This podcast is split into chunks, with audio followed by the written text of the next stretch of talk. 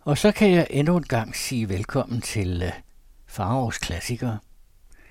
Jeg blev jo færdig sidste uge med øh, uh, Sten Stensen Blikker store novelle 14 dage i Jylland. Så nu skulle jeg finde på noget andet til denne uge. Og jeg har fundet en gammel bog i min reol. Jeg kan ikke huske, hvor jeg har fundet den. I en, sådan en kasse ude på gaden foran et antikvariat måske, eller til et af de her hollandske bogudsalg med gamle bøger. Jeg ved det ikke rigtigt. Jeg har haft den længe. Det er en novellesamling, som hedder Mørke Billeder. Det lyder jo lidt truende, men det skal nu ikke tage så tungt. Og forfatteren hedder Maxim Gorki. En stor russisk forfatter. Født 1868 og død 1936. Og lige op til Gorkis tid, der havde næsten alle forfattere i Rusland været enten godsejere eller akademikere og embedsmænd. Eller i hvert fald ud af sådanne familier. Men med Gorki skete der noget nyt. Han var en fattig slægt. Han fik ikke nogen uddannelse. Han øh, ernærede sig i mange år som omvandrende arbejdsmand nærmest. Tog alt forfaldende arbejde, hvad han nu kunne finde. Og når han ikke havde brug for penge, så arbejdede han ikke. Men han vandrede rundt i store dele af landet, indtil han slog igennem som journalist og forfatter. Og det han skrev om, det var altså i høj grad bygget på hans egne oplevelser. Så det var en helt ny klasse af mennesker, der holdt deres indtog i litteraturen, kan man roligt sige. Og på den måde var han jo fremtidens mand, fordi han øh, ligesom forvarslede proletariatets diktatur i det kommende Sovjetunionen, som han der også øh, sluttede sig til, selvom han de første mange år boede i Italien, de første mange år af Sovjetunionens historie, men han vendte hjem og blev en meget hyldet forfatter.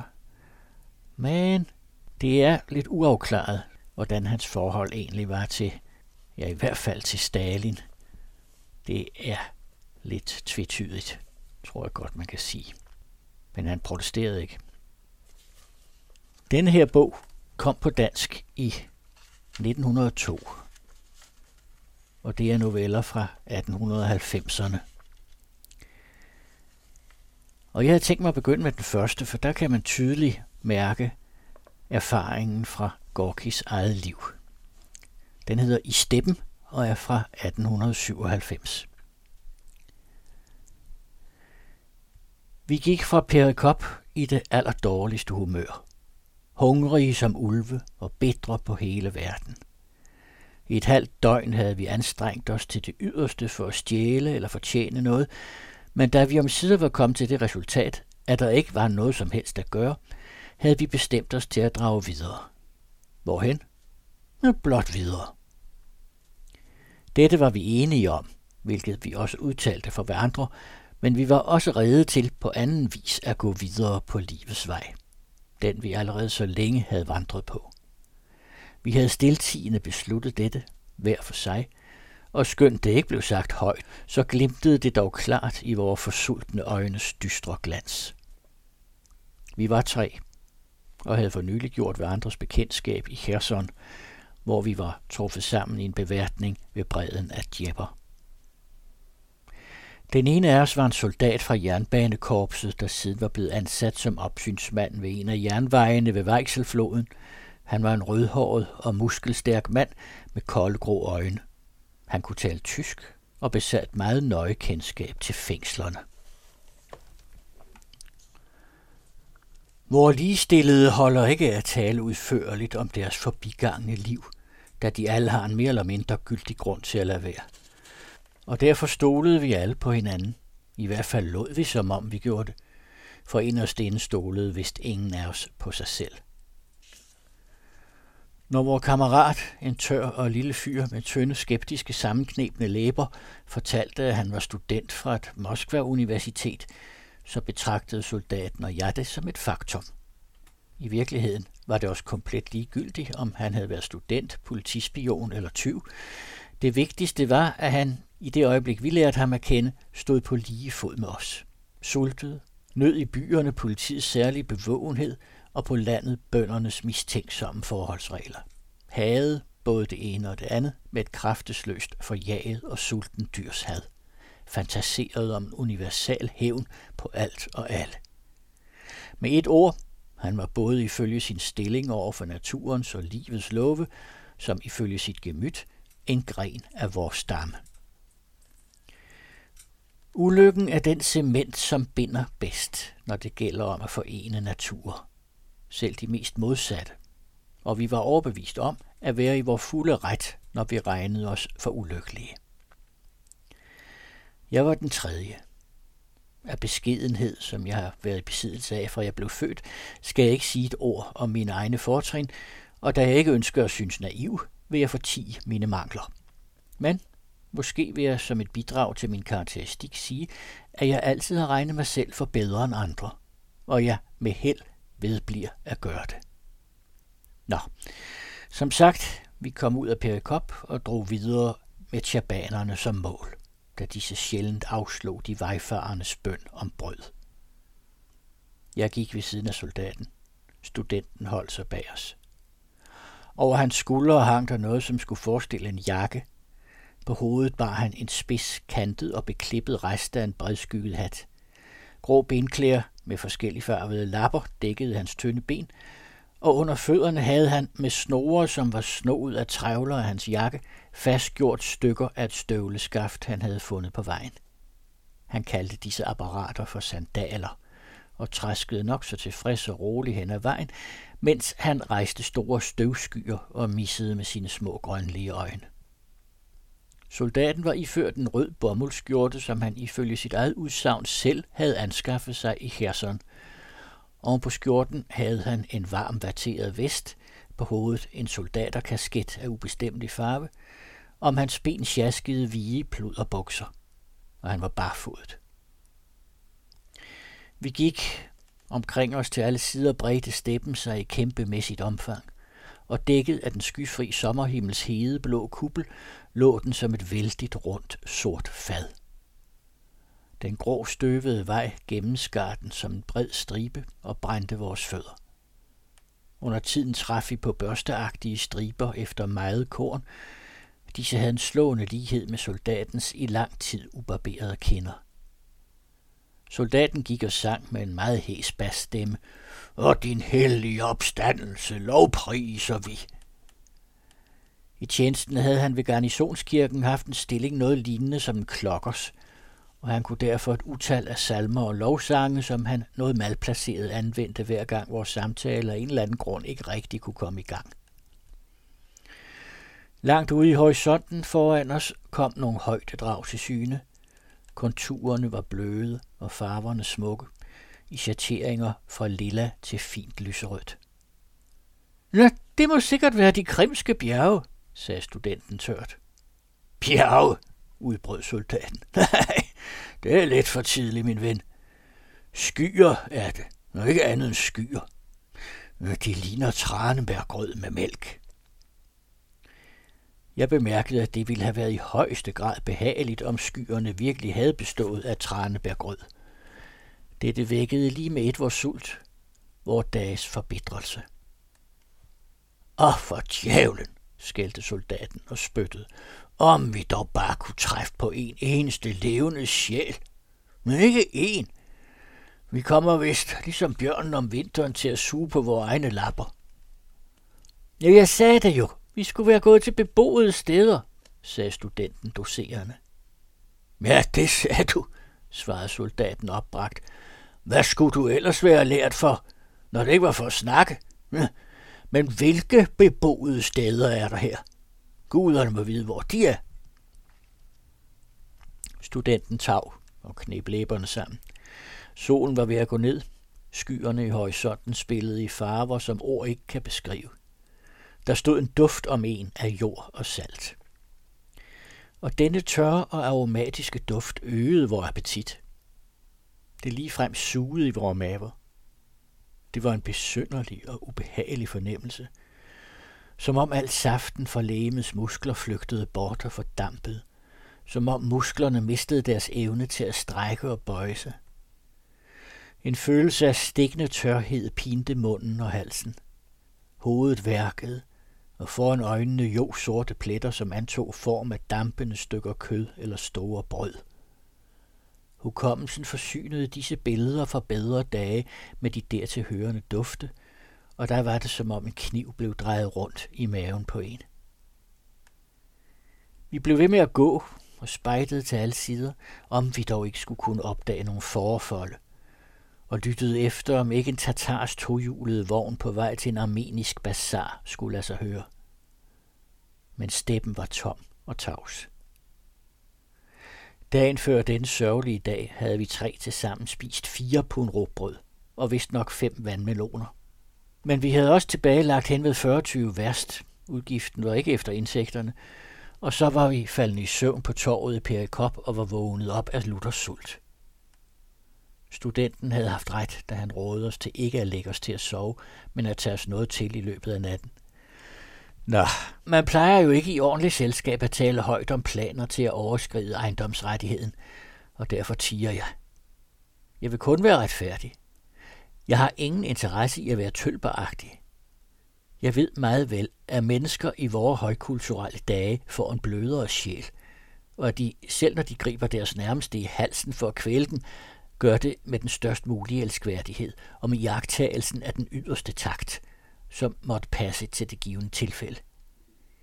Egen erfaring tvinger mig til at antyde denne retning på det sædelige område, og det er med sikker overbevisning, at jeg siger, at alt udvikles og fuldstændig gøres i denne verden. Og denne retning gør sig særligt bemærket ved den årlige tilvækst af fængsler, beværtninger og utugthuse. Nå, altså travede vi, synkende vort slunkne spyt og søgende ved venskabelig samtale at dulme vores mavers smerter gennem den øde og tavse steppe. Vi gik i solnedgangens rødlige skær, opfyldt af et usikkert håb om et eller andet. Foran os gik solen ned. Langsomt sænkede den sig i bløde skyer, der var pragtfuldt forgyldte af den stråler. Men bag ved os og på siderne hævede det blålige mørke sig fra steppen op mod himlen og ligesom trak horisonten til sig. Se at få skrabet noget sammen til et bål, sagde soldaten i det han tog en klods op fra jorden. Vi bliver nødt til at overnatte. Steppen, den er dukket. Tag bare alt. Kviste, gødning for køerne. Alt, hvad der kan brænde. Vi gik hver til sin side og gav os til at samle tørt steppegræs og alt, hvad der kunne benyttes som brændsel.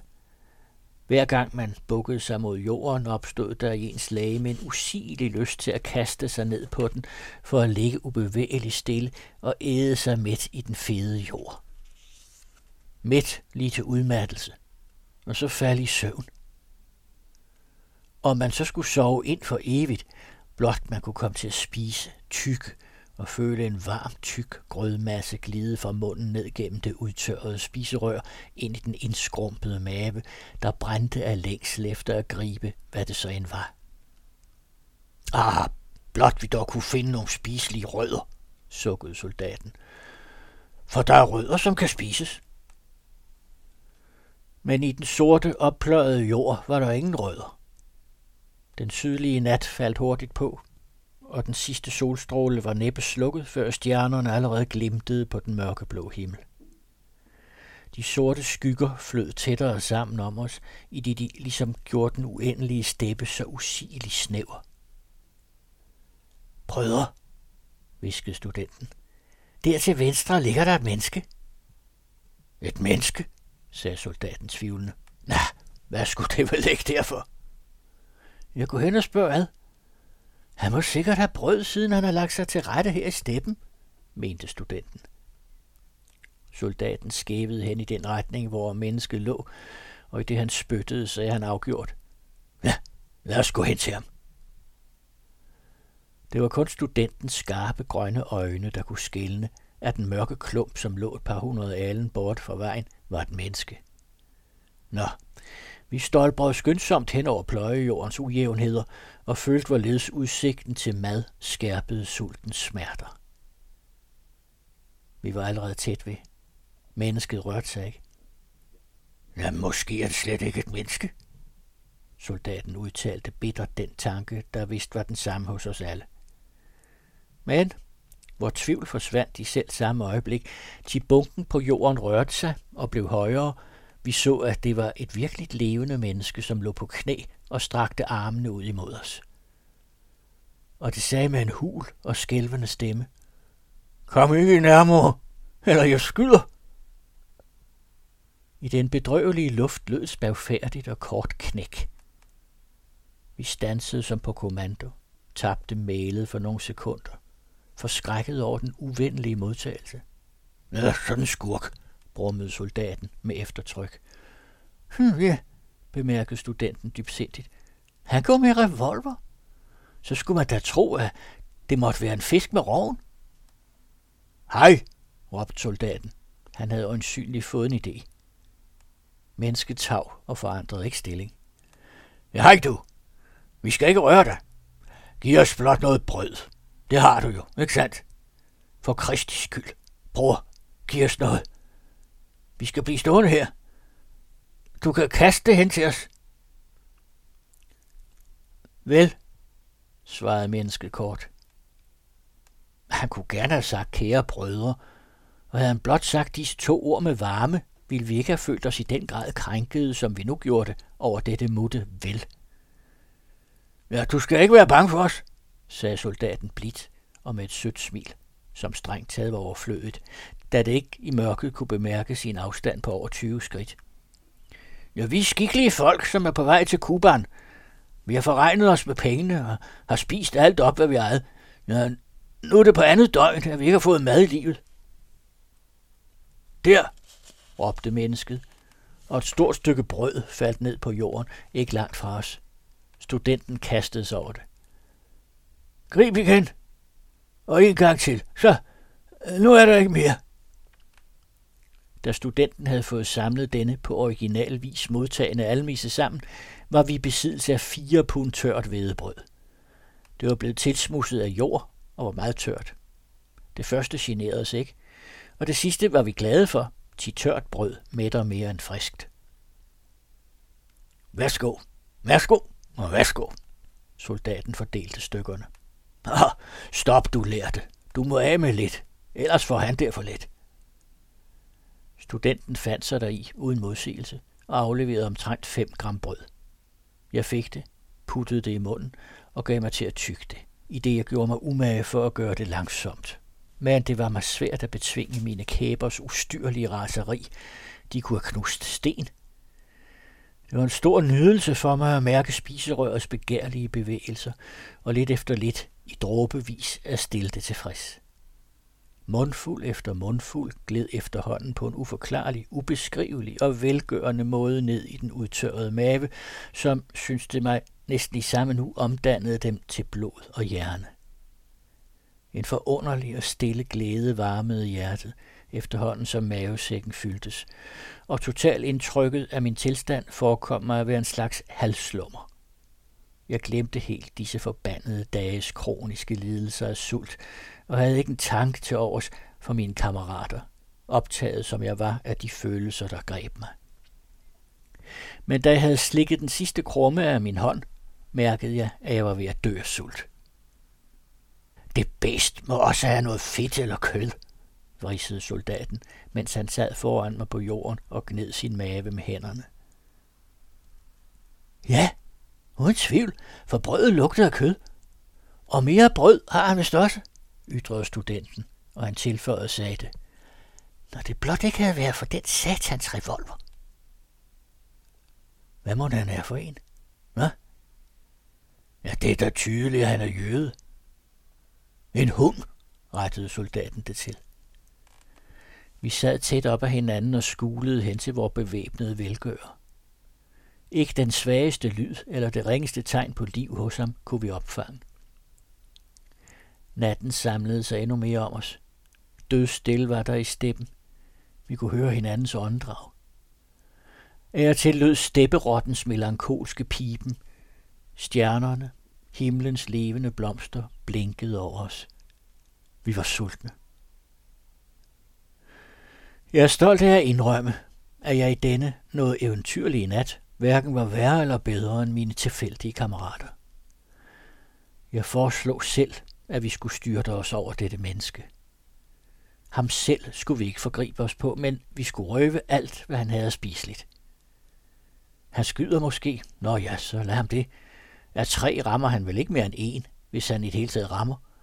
Og skulle han også ramme, så er en revolverkugle vist næppe så farlig. Ja, lad gå, sagde soldaten og sprang op. Studenten kom noget langsommere på benene, og vi gik næsten løb. Studenten holdt sig bagerst. Nå da, kammerat, råbte soldaten bebrejdende til ham. Vi hørte en hul brummen og en hanes klikken. Derefter glimtede der ild, og et skud smældede os i ørerne. Skud forbi, råbte soldaten glad og nåede i et spring mennesket. Ah, din satan, nu skal der blive til dig. Studenten kastede sig over vadsækken.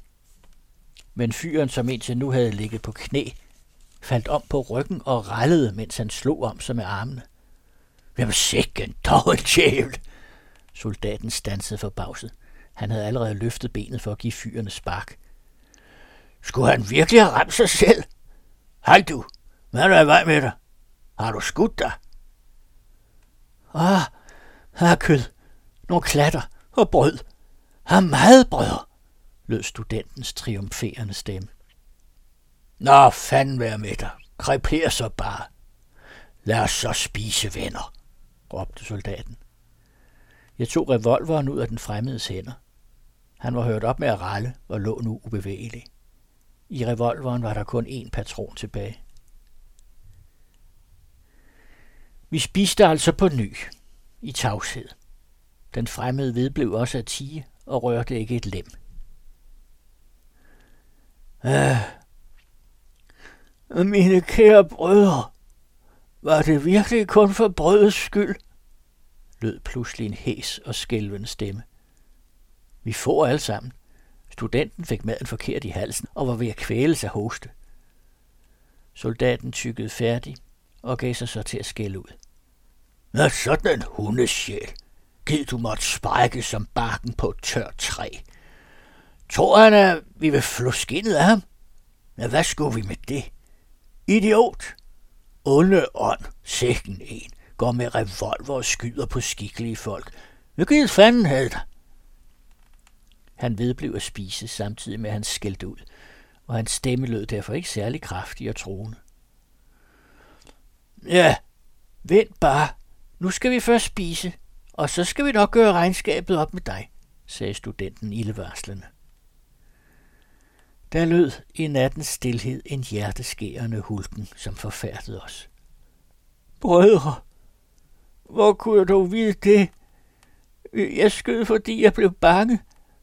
Jeg er på vej fra Afon hjem til det smålandske guvernement. Åh oh, Gud, åh oh, Gud, jeg er ødelagt af feber.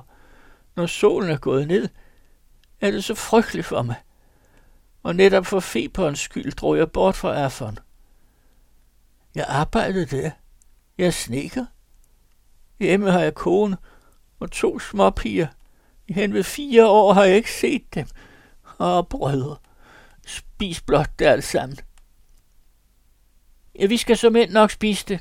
Du behøver virkelig ikke at bede os om, svarede studenten. Åh Gud, havde jeg vidst, at I var gode, fredsommelige mennesker, så havde jeg da ikke skudt. Men tænk jer, brødre, her midt i steppen om natten. Er det ikke undskyldeligt, hvad? Han blev ved med at snakke og græde, eller snarere hyle. Øh, hvor han tuder, sagde soldaten foragteligt. Han må have penge hos sig, bemærkede studenten. Soldaten knep øjnene sammen og lå som svar. Du er lyst hoved. Men ved nu hvad? Skal vi nu ikke tænde et bål og lægge os til at sove? Men hvad skal vi gøre med ham? spurgte studenten. Ah, lad ham ligge. Eller mener du måske, at vi skulle stege ham? ja, oprigtigt talt, svarede studenten. Vi gik hen og hentede vort brændselsmateriale, som vi havde kastet fra os, da snekeren stansede os med sit truende råb, fik det lagt til rette og tændt, og snart efter sad vi omkring bålet. Det brændte roligt i den blikstille nat og belyste den lille plads, vi havde optaget. Vi var søvnige, til trods for, at vi så udmærket godt kunne spise til aften endnu en gang. Brødre, råbte snekeren til os. Han lå et lille stykke fra os, og ligesom snakkede halvhøjt, forekom det mig. Javel, sagde soldaten. Må jeg komme hen til jer? Hen til ilden? Det er døden, der kommer. I alle mine lemmer værker det. Åh oh, Gud, jeg når aldrig hjem, kan jeg mærke. Kryb herhen. Studenten gav sin tilladelse. Snegøren kryb hen imod bålet, langsomt, som om han var bange for at tabe en arm eller et ben. Det var et højt og frygteligt udtæret menneske. Alt dinglede så uhyggeligt på ham, og de store, matte øjne fortalte om, hvad han led. Hans fortrukne ansigt var benet, og endnu i skæret for bålet havde det en gullig, jordagtig ligefarve. Han rystede over hele kroppen og strakte de lange magre hænder frem mod ilden, i det han gned fingrene, hvis led kun bøjede sig besværligt og træt. Det var næsten ikke til at udholde at se på ham. Hvor kan det være, du rejser til fods, når du er så syg? Du er måske gærig, spurgte soldaten mørkt.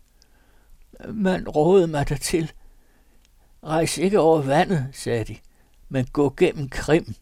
Der er luften styrkende og god. Men jeg kan ikke gå. Jeg vil dø, brødre. Langt borte fra mit hjem dør jeg her i steppen.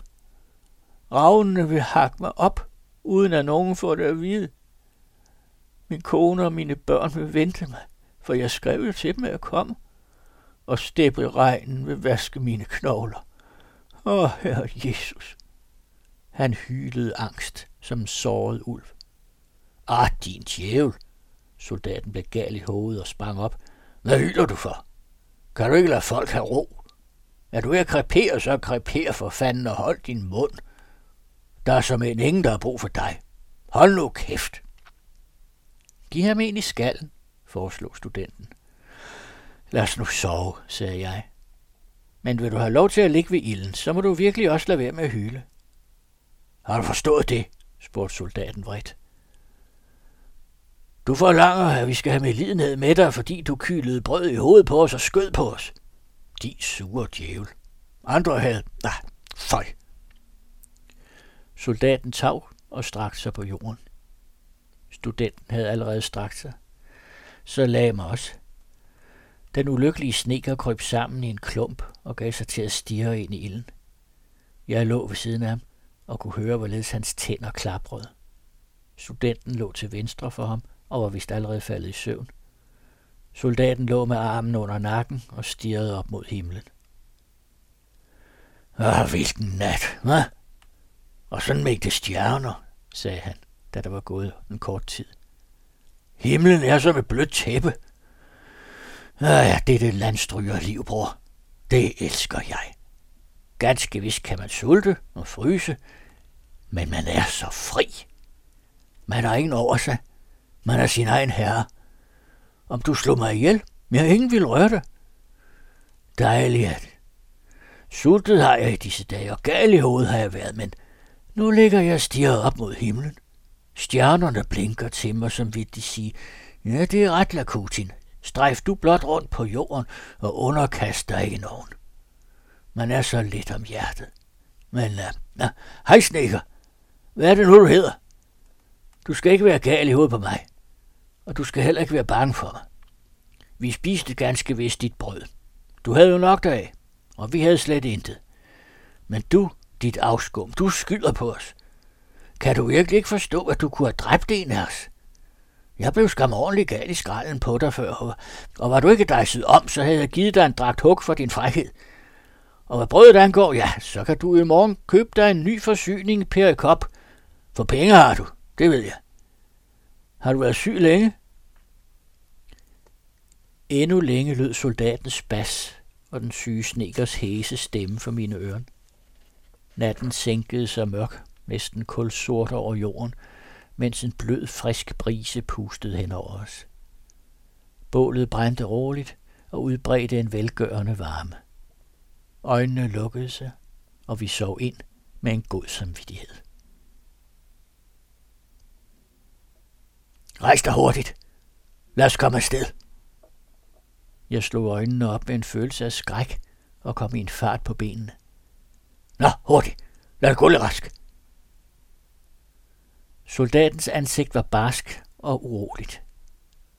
Jeg så mig omkring. Solen var ved at stå op, og en rosenrød solstråle gled allerede hen over snekerens ubevægelige og blålige ansigt. Hans mund stod åben. Øjnene var trådt ud af øjenhulerne og stirrede med et glasagtigt blik fuld af redsel.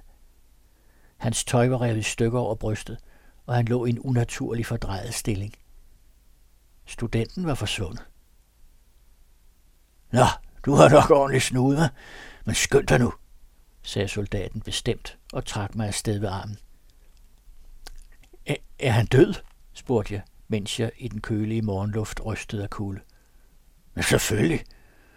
Når man ville kvæle dig, så ville du ganske sikkert også dø. Har, har, har studenten? udbrød jeg. Ja, med hvem ellers? Måske du? Eller jeg? Hmm, ja. Og han? Ja, han lært. Det gjorde han snedig nok. Tog livet af ham og bragte os i forlegenhed. Havde jeg anet det, skulle jeg i går have slået denne student ihjel. Bare et slag, og han skulle have været leveret. Min knyttede næve i tændingen, og en skurk mindre i verden. Forstår du, hvad det her betyder for os? Det vil sige, at vi nu må snige os afsted, så ikke et menneskeligt øje skal få os at se i steppen. Ser du, snekeren vil man finde i løbet af dagen. Kvalt og udplyndret. Og så går man på jagt efter os. Hvorfra kommer I? Hvor har I tilbragt natten? Og så bliver vi jo sat fast, skønt de ikke finder noget på os. Øh, jo, det er sandt. Hans revolver har jeg jo. Kasten, tilrådede jeg soldaten. Ah, du, sagde han efter tænksomt. Det er en værdifuld tingest. Måske bliver vi heller ikke snuppet. Nej, jeg kaster den ikke. Hvem kan også vide, at snekkeren har haft en revolver? Det vil dog være synd at smide en tre rubler bort. Nå da, hvor jeg kunne lide at jage denne sidste kugle ind gennem øret på studenten. Hvor mange penge må den hund have hugget? Ah, det forbandede bedst. Nå, nu sidder pigebørnene godt i det, sagde jeg. Hvilke pigebørn? Nå, snekeren, de klarer sig nok. Vi skal ikke fri til dem. Det kunne der vist næppe blive tale om. Men lad os nu bare komme afsted, bror. Hvor skal vi gå hen? Ja, det ved jeg virkelig ikke. Det er vist også ligegyldigt, hvad vej vi går. Men jeg ved det heller ikke. Lad os forsøge til højre. Så må vi sikkert komme til havet. Vi gik til højre. Jeg så tilbage. Langt bag ved os i steppen hævede et lille bakkedrag sig forgyldt af solen. Her kigger du tilbage, for du kan se, om han ikke skulle være opstanden fra de døde. Du kan så med være ganske rolig. Han løber ikke efter os. Studenten er sikkert en fyr med håndelag, der har besørget det grundigt. Ja, det var en net kammerat. Han har bragt os sådan i fedt i fadet. Åh, bror, menneskene bliver slettere og slettere med årene, sagde soldaten mismodig. Steppen bredte sig omkring os, tavs og øde, men smykket af den skære morgensol stråler. Langt borte i horisonten flød den sammen med himlen i et klart, godt og rigt lys, der synes at umuliggøre en hver mørk og uretfærdig handling på denne den uendelige frie steppe, som var dækket af himlens blå kuppel. Nej, hvor er jeg sulten, bror, sagde min kammerat, i det han rullede sig en cigaret af bundet tobak. Ja, Gud ved, hvorledes vi bjerger os føden i dag. Det bliver et kunststykke. Her endte fortælleren, min nabo på hospitalet, sin beretning, i det han tilføjede. Ja, det var det hele. Vi blev inderlige venner, soldaten og jeg. Og samme aften nåede vi det karske distrikt. Han var en god og klog fyr. Rigtig en type på en landstryger og en barbenet. Jeg satte pris på ham. Vi fulgte sig lige til Lille Asien. Der skilte vi. Tænker de under tiden på snekeren, spurgte jeg. Som de ser, eller rettere at høre. Og det generer dem ikke. han lå. Ja, hvorfor skulle det også kunne genere mig? Hvad der skete med ham, det var jeg jo lige så lidt skyld i som de. Jeg er ingen af det hele taget skyld i noget. Vi er lige store bæster alle sammen. jeg er ikke en morale, hva'?